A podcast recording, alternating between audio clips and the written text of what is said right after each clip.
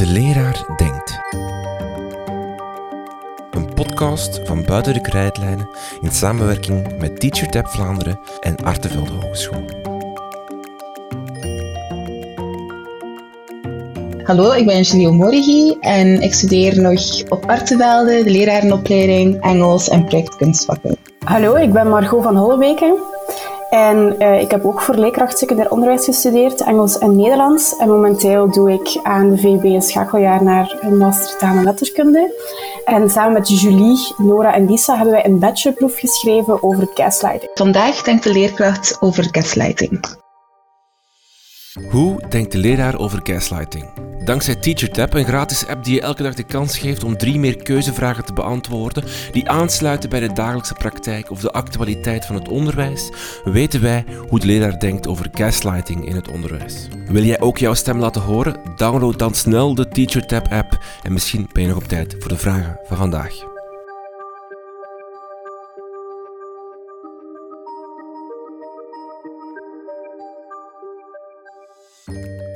Uh, gaslighting is eigenlijk een vorm van manipuleren van een persoon, zodanig hard dat die persoon begint te twijfelen aan zijn eigen perceptie, ervaringen, uh, waarnemingen of um, begrip van gebeurtenissen. Eigenlijk.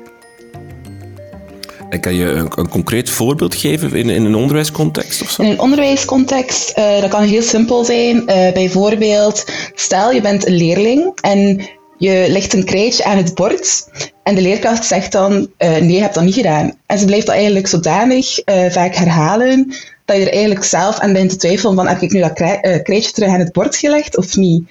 Dus dat kan heel simpel zijn. Het gevolg van gaslighting is dus iemand twijfelt aan wat jij zegt of doet. En het gevolg is dat je eigenlijk jezelf in twijfel Ja, dat klopt. Ja, dat is toch wel het belangrijkste onderdeel van gaslighting. Is dat door een andere persoon jezelf gaat twijfelen aan je eigen geheugen, hetgeen wat heb je gezien, hetgeen wat, wat je hebt meegemaakt. De term komt van een film, als ik juist ben. Uh, ja, een film uit 1944, um, ehm, ook genaamd Gaslight, wat dan weer gebaseerd is op een toneelstuk van Patrick Hamilton uit 1938. En daarin komt eigenlijk voor de eerste keer gaslighting voor. Wat gebeurt er daar? Een vrouw trouwt met een man, maar wat ze niet weet is dat hij eigenlijk achter haar geld zit, achter haar erfenis van haar tante. En hij gaat daarnaar op zoek op zolder. En omdat hij het gaslicht aandraait op zolder, dimt het gaslicht beneden in de woonkamer. En ze confronteert hem daarmee. En hij zegt, nee, dat is niet waar. Je ogen gaan gewoon achteruit. Ik zie het gaslicht nog steeds hetzelfde. En hoe meer hij dat herhaalt, hoe meer dat zij natuurlijk begint te geloven dat er wel degelijk iets mis is met haar en dat hij niet het probleem is. Maar als kijker weet je dat natuurlijk wel. En dat is een perfect voorbeeld van gaslighting. Um, hoe kan je gaslighten? Er zijn verschillende technieken blijkbaar om aan, aan gaslighting te doen. Ja, inderdaad. Um, ik denk dat wij vijf technieken uh, gevonden hebben eigenlijk. Um, we hebben allemaal Engelse termen gebruikt, wel, wil ik even herhalen, omdat er ook geen Nederlandse termen bestaan. Uh, de term zelf is nog niet zo ver onderzocht geweest, dus wij hebben ook gezocht naar Engelstalige bronnen en zo. Um, de eerste techniek is withholding, dus eigenlijk ja, inhouden of achterhouden. Um, de gaslighter wil geen gesprek meer aanknopen met de gaslightee, hè, dus dan het slachtoffer eigenlijk. Want ja, ik begrijp u niet of ik ga u gewoon negeren, hè, ik wil u niet geloven. Dus dat is dan withholding. Um, een tweede techniek is dan countering. Um, en dat is eigenlijk tegenspreken, de Engelse term voor tegenspreken. En daarbij gaat de gaslighter het geheugen van de gaslighter in vraag stellen. En zeggen, ah, ben je dat zeker? Je hebt toch een slecht geheugen, je onthoudt toch nooit iets. Waarbij dat de gaslighter eigenlijk begint te twijfelen aan zichzelf. Oei, ja, ik ben dat nu vergeten. Is dat wel zo? Uh, die zegt dat tegen mij. Dus dat is dan countering. Een derde is blocking of diverting, waarbij de gaslighter eigenlijk het gesprek ja, stopzet tussen hij en de gaslightee, het slachtoffer, of diverting, het gesprek wegleiden door te zeggen, ja, ik weet dat je me opzettelijk wilt beliegen en je, ik weet dat je nooit de waarheid tegen mij spreekt, waardoor het slachtoffer gaat denken, oei, als die persoon dat gevoel heeft, zal dat misschien zo wel zijn. Hè? Het belangrijkste blijft, blijft wel dat het slachtoffer begint te twijfelen aan zichzelf. Anders kunnen we niet spreken over, over gaslighting. Een vierde techniek is dan trivializing. Dat is de gevoelens van de andere persoon kleineren en negeren. Opmerkingen geven zoals ja, je bent te emotioneel, je reageert altijd veel te hard, uh, of ga je nu boos worden over niets. Waardoor die persoon ook gaat beginnen twijfelen aan, zijn mijn gevoelens wel gegrond? En dan een laatste techniek kan forgetting of denial zijn. En dat zien we dan ook terug in het voorbeeld van de film. De, de man zegt, oei, ik weet van niets, ik ben dat vergeten. Of je hebt dat helemaal niet gezegd. Waardoor dus eigenlijk de andere persoon gaat denken, ja, ik zal wel fout zijn, ik zal dat nooit gezegd hmm. hebben. En begint te twijfelen aan zijn of haar eigen geheugen natuurlijk. Hmm. Als je die technieken zegt, dan denk ik dat er heel veel gaslighting gebeurt in een heel milde vorm dan, maar in heel veel alledaagse gesprekken. Vaak ook zonder slecht te doen of zo, maar dat je gewoon dat, je inderdaad soms zegt van, die, die, die vergeet altijd van alles, die zal wel dat ook vergeten zijn. Dat je het heel vaak doet, toch? Ja, inderdaad. Het kan wel ook voorkomen. We hebben dat nu onderzocht in een onderwijscontext, maar ook binnen bijvoorbeeld gezinnen, binnen vrienden. Maar het belangrijkste bij gaslighting blijft wel dat het slachtoffer begint te twijfelen aan zichzelf. En dan pas spreken we over gaslighting. Als tussen vrienden, oh, geheugen, het is toch zo slecht, je, onthoudt, toch niets. En maar die andere persoon lacht het weg of gelooft het niet, of begint toch niet te twijfelen aan zichzelf. Kunnen we dat geen vorm van gaslighting noemen, omdat daar geen groot gevolg aan gekoppeld is? Ik denk wel, um, wanneer je vriend eigenlijk uh, zodanig, wanneer je dat zodanig vaak herhaalt, van heb een slecht geheugen of zo, zal dat wel um, gevolgen hebben. En zal dat misschien wel uh, ervoor zorgen dat die persoon dan aan zichzelf begint te twijfelen. Dus... Want heeft gaslighting een link met machtsverhoudingen? Want onder vrienden is er geen machtsverhouding, maar vaak bijvoorbeeld in onderwijs of in een werksfeer is die er wel. Ja, wij hebben toch geconcludeerd dat er een machtsverhouding moet zijn, of er toch is bij gaslighting, um, maar op verschillende vlakken. Dus een machtsverhouding qua uw directie boven u, iemand die boven u staat jobgewijs, hè, die dus uh, zoals directie tegenover leerkrachten, maar ook um, bij mentale toestand. Want we hebben ook gezien dat mensen die uh, zich slecht voelen, naar een burn-out gaan, naar een depressie gaan, dat die, ja, slecht gezegd, gemakkelijker gegaslight worden, omdat er daar een soort van machtsverhouding zit tussen hoe sterk je mentaal zelf bent. Een mentaal sterk iemand zal minder snel makkelijk gegaslight worden, omdat hij wel beseft van het ligt hier niet aan mij. Dus die machtsverhouding kan ook gezien worden tussen hoe dat je je voelt, maar ook qua, qua job, wie er boven jou staat. Ehm, op je werk eigenlijk. En is de gaslighting sterker als er een machtsverhouding is? Ja, ik, we, denken van wel. Waarom? Omdat een directielid die bijvoorbeeld iets tegen een leerkracht zegt, misschien is het moeilijker om in twijfel te trekken. Misschien weet je het wel beter, zal het een andere leerkracht is, maar die, die veel ouder is dan jou, die veel meer ervaring heeft dan jou, ga je toch sneller denken van oei, ben ik hier toch verkeerd bezig? Misschien weet je het toch wel veel beter. Dus dat twijfelen sneller zal voorkomen als die machtsverhouding veel duidelijker is. Um in de, Teacher Tab, uh, in de Teacher Tab app hebben ze de vraag gesteld uh, over gaslight, een aantal vragen. En de eerste vraag is eigenlijk of leden van het onderwijspersoneel ooit hebben meegemaakt dat personen op een school twijfelden aan een versie van een verhaal. Uh, wat zijn de resultaten die daaruit gekomen zijn? Wel, uh, op deze vraag uh, antwoorden 1542 personen, waarvan uh, eh, 34% van de totale participanten heeft aangegeven dat ze, dat ze dit eigenlijk al hebben meegemaakt. Um, terwijl dat 20% wel iemand kende waarvan dat ze denken dat die persoon begon te twijfelen aan hun versie van het verhaal. Dus zijn wel allee, frappant hoge cijfers, denk ik dan. Want dan kunnen we zeggen dat dat toch wel een derde is van de participanten die dit al hebben, al hebben gevoeld en dat ook al hebben getuigd. Dus dat is toch wel heel veel. Wat kunnen we hieruit besluiten uit, uit dat cijfer? Ik denk dat we voor ons, alleen voor ons verder onderzoek dan niet heel veel konden besluiten. Uh, we kunnen wel besluiten dat er een situatie kan voorkomen waarbij er wordt getwijfeld. Um, maar dan twijfelt iemand anders aan jouw verhaal. Dus het belangrijke is hier ook opnieuw dat die persoon van wie het verhaal is, begint te twijfelen aan zijn eigen verhaal. De vragen op TeacherTab waren voor ons een manier om een soort van algemeen overzicht te hebben van komen bepaalde situaties waaruit dan gaslighting van voorkomen, bestaat dat in het onderwijs? Omdat we natuurlijk bij TeacherTap geen vraag kunnen stellen van tien lijnen lang, omdat het dan te complex wordt. Dus hebben we eerst geprobeerd om een algemeen beeld te kunnen krijgen van bepaalde situaties. Maar aangezien dat er toch een hoog aantal, toch een hoog cijfer is bij deze situaties, kunnen we daaruit afleiden dat er situaties bestaan waaruit dan gaslighting kan voorkomen. Eh, de tweede vraag ging over of dat uh, onderwijspersoneel ooit al meegemaakt heeft dat personen hen verweten dat ze het emotioneel reageerden. Uh, wat zijn hier de resultaten? Wel, daar hebben we dus een 1502 tal antwoorden, um, waarvan 28% heeft aangegeven dat ze dit al hebben meegemaakt. Um, en 21% duiden aan dat, hen, dat ze dit zelf nog niet dat het hen nog niet zelf is overkomen, um, maar wel van iemand anders uit het team. Dus daar uh, terug kunnen we zeggen dat het toch wel hoge cijfers zijn. Want daar is toch wel een derde van, van de antwoorden zo dat het aanwezig is. Uh, iemand verwijten dat, dat, dat dit emotioneel reageert. Dat is de, de techniek van uh, trivialize, als ik, als ik goed geluisterd heb daar straks. Um, ja, dat is wel al iets concreter dan de vorige vraag, mag ik dat zeggen? Dat, dat er zo van, dat er aantoont dat er toch ja, een soort van gaslighting is.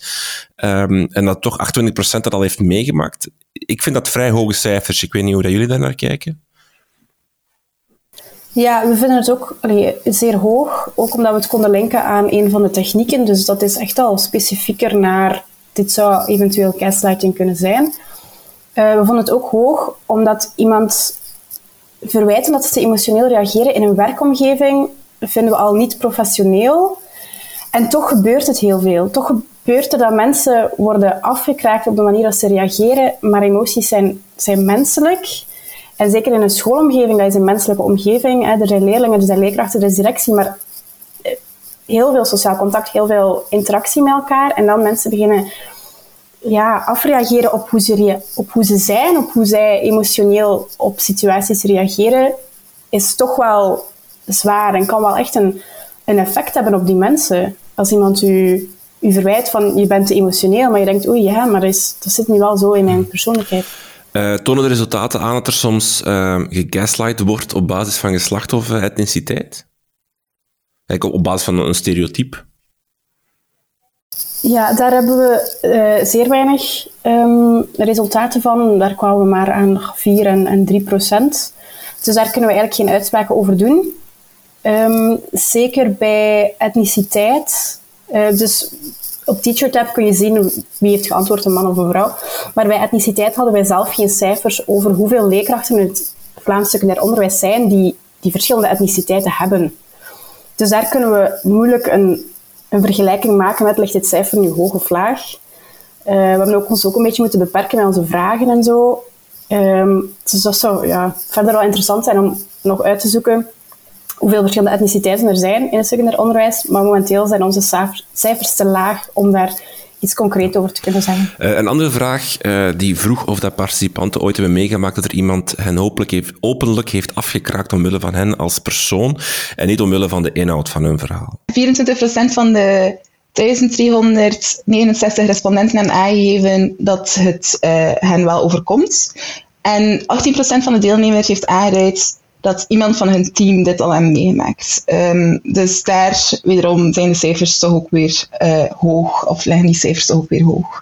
Ja, telkens zo die, die rond die 20 procent zie, je, zie je terugkomen, dat er eigenlijk uh, allez, een, een, vierde of een derde uh, sprake is van gaslighting. Um, wat voor vorm van gaslighting is dit? Of is dit een vorm van gaslighting? Iemand afkraken omwille van de persoon en niet van de inhoud? We hebben dat gelinkt aan countering. Dus ja, de, het geheugen van de persoon in, in vraag stellen eigenlijk. Um, hier ook ja, opnieuw bij vragen die online worden ingevuld, we hebben daar niet veel meer context bij dan enkel gewoon ja, nee, misschien niet van toepassing.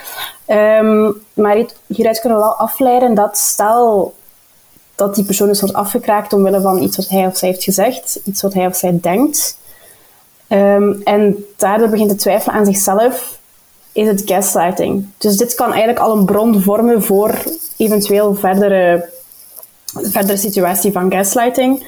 Uh, daarom dat we er ook countering aan hebben, ja, aan hebben gelinkt eigenlijk. En ja, opnieuw bij net die vorige vraag ook hoge cijfers en iemand afkraken omwille van hoe die persoon is. Opnieuw in een werkomgeving, maar ook in andere, alle andere omstandigheden niet oké. Ehm, maar inderdaad ook weer ja, niet echt professioneel. En wat wil je daar dan mee bereiken?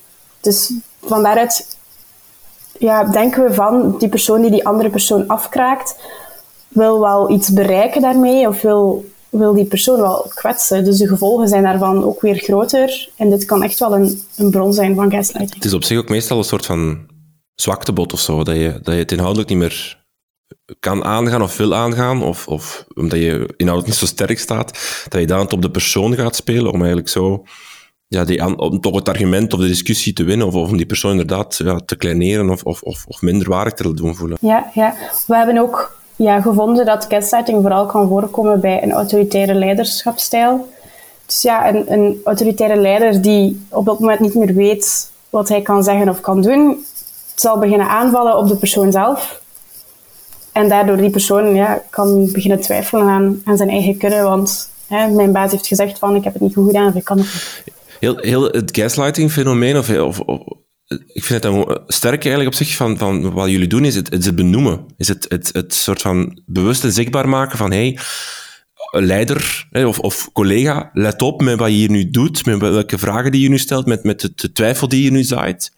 Want dit is op zich een, psychologisch fenomeen alleen dat, dat op zich impact heeft en, en het gevolg kan zijn dat die persoon uh, aan zichzelf begint te twijfelen en zichzelf minder goed gaat voelen.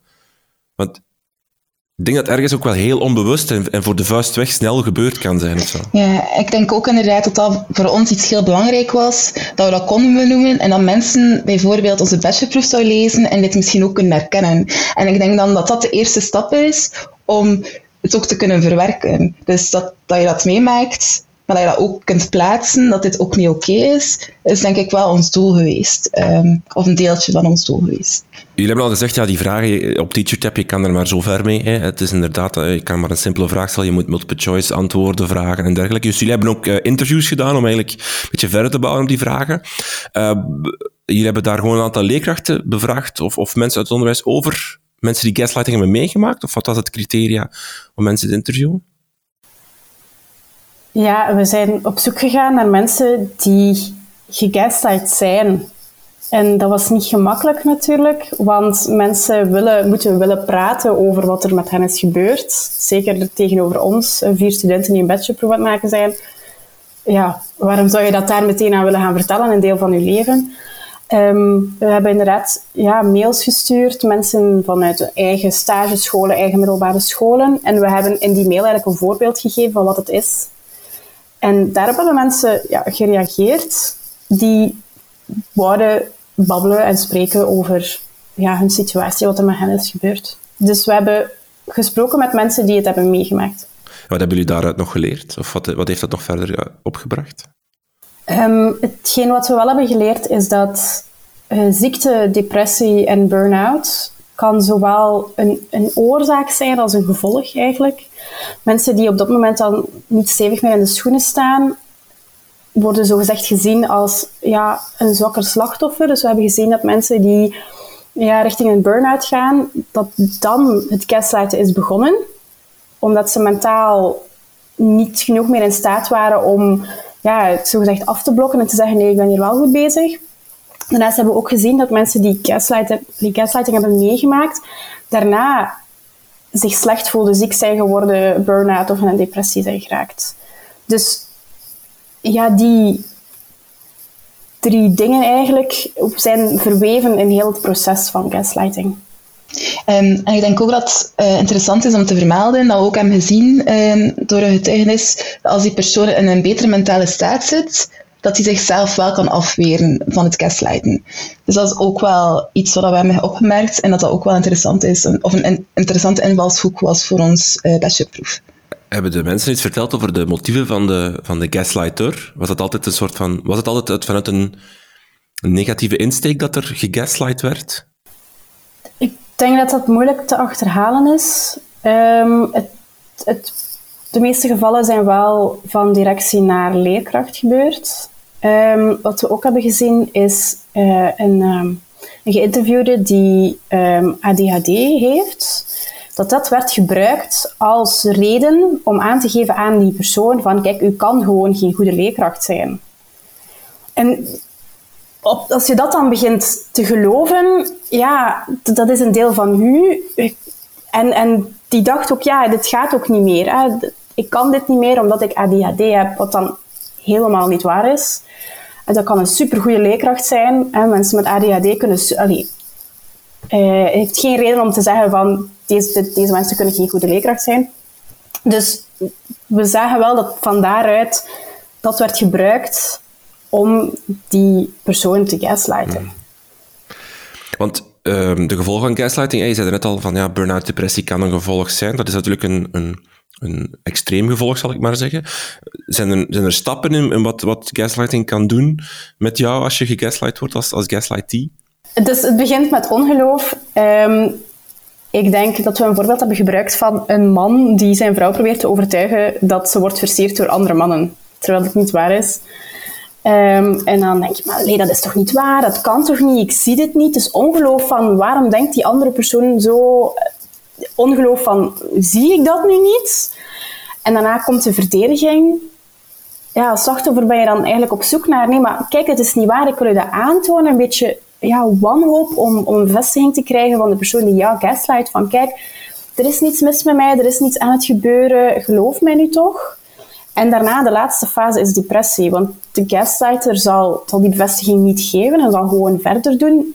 Dus je gaat dan toch beginnen denken van oei, het ligt dan toch aan mij. Want kijk, die andere persoon zegt, die, wil, die kan mij niet geloven, die ziet het niet. En, en het zal aan mij liggen. Ik zal niet zien wat er aan het gebeuren is. En ik zal dingen vergeten, mijn geheugen zal slecht zijn en dan kom je eigenlijk in, in de depressieve fase terecht.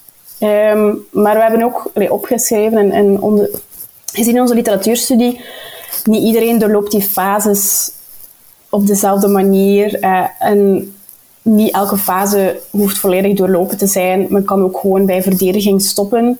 Want zeker bij een sterke mentale toestand zal die depressieve fase niet of veel later komen, omdat je zelf nog steeds bent van overtuigd van, maar ik weet het wel nog, ik ben hier wel goed bezig en die andere persoon ziet het niet of die andere persoon is gewoon fout. Ja, de mentale sterkte bepaalt eigenlijk in hoeverre dat die, die stadia van gaslighting uh, gebeuren. Oké. Ik vind het uh, heel veel stof tot nadenken. Ik vind het uh, een zeer intrigerend onderwerp. waar ik ga al mijn, mijn interacties binnen op mijn school vanaf nu aan een hogere wiskunde onderwerpen om na te denken. Um, want ik denk dat er heel veel gebeurt. In, in soms minder schadelijke vorm of zo, maar ik denk dat er heel veel gebeurt. Ja, zeker bij de interviews hebben we gemerkt dat leerkrachten zeiden van ja, ik heb het heel lang voor mezelf gehouden. En daarna ben ik dat toch beginnen vertellen aan goede collega's. En dan bleek dat die dat ook hadden meegemaakt of dezelfde situaties waren. En dan, oei, jij hebt het meegemaakt. En dan gaan ze verder gaan zoeken. Dat het vaak nooit één persoon is. Als er toch een gaslighter aanwezig is, zullen er andere personen ook wel iets hebben gemerkt in situaties. En voor die mensen was dat wel een geruststelling. Van, er zijn nog andere mensen en dat kan ook een bevestiging zijn van kijk, het ligt niet aan u als persoon. Want andere mensen maken het ook mee. Hmm. Het is ook iets heel impliciet, hè, op zich. Of, het is niet, niet expliciet uh, discriminatie of, of, of pesten of zo, of, of echt scheldwoorden gaan gebruiken. Dat is heel duidelijk en heel... Dat kan iedereen benoemen van, oh, dit kan niet. Maar het is, ja, iemand in twijfel trekken of zeggen van, ja, maar, jij weet dat niet goed. Dat is heel impliciet, dus dat is ook, ook niet gemakkelijk, denk ik, ook voor omstaanders of voor, of voor jezelf, om daar de vinger op te leggen van wat er nu aan het gebeuren is. Ja, het kruipt een beetje onder de huid en dan tot op het moment dat het eigenlijk zo ver gaat. Oké, Julie Margot, heel veel dank voor dit gesprek. Dank u wel. Dank u wel.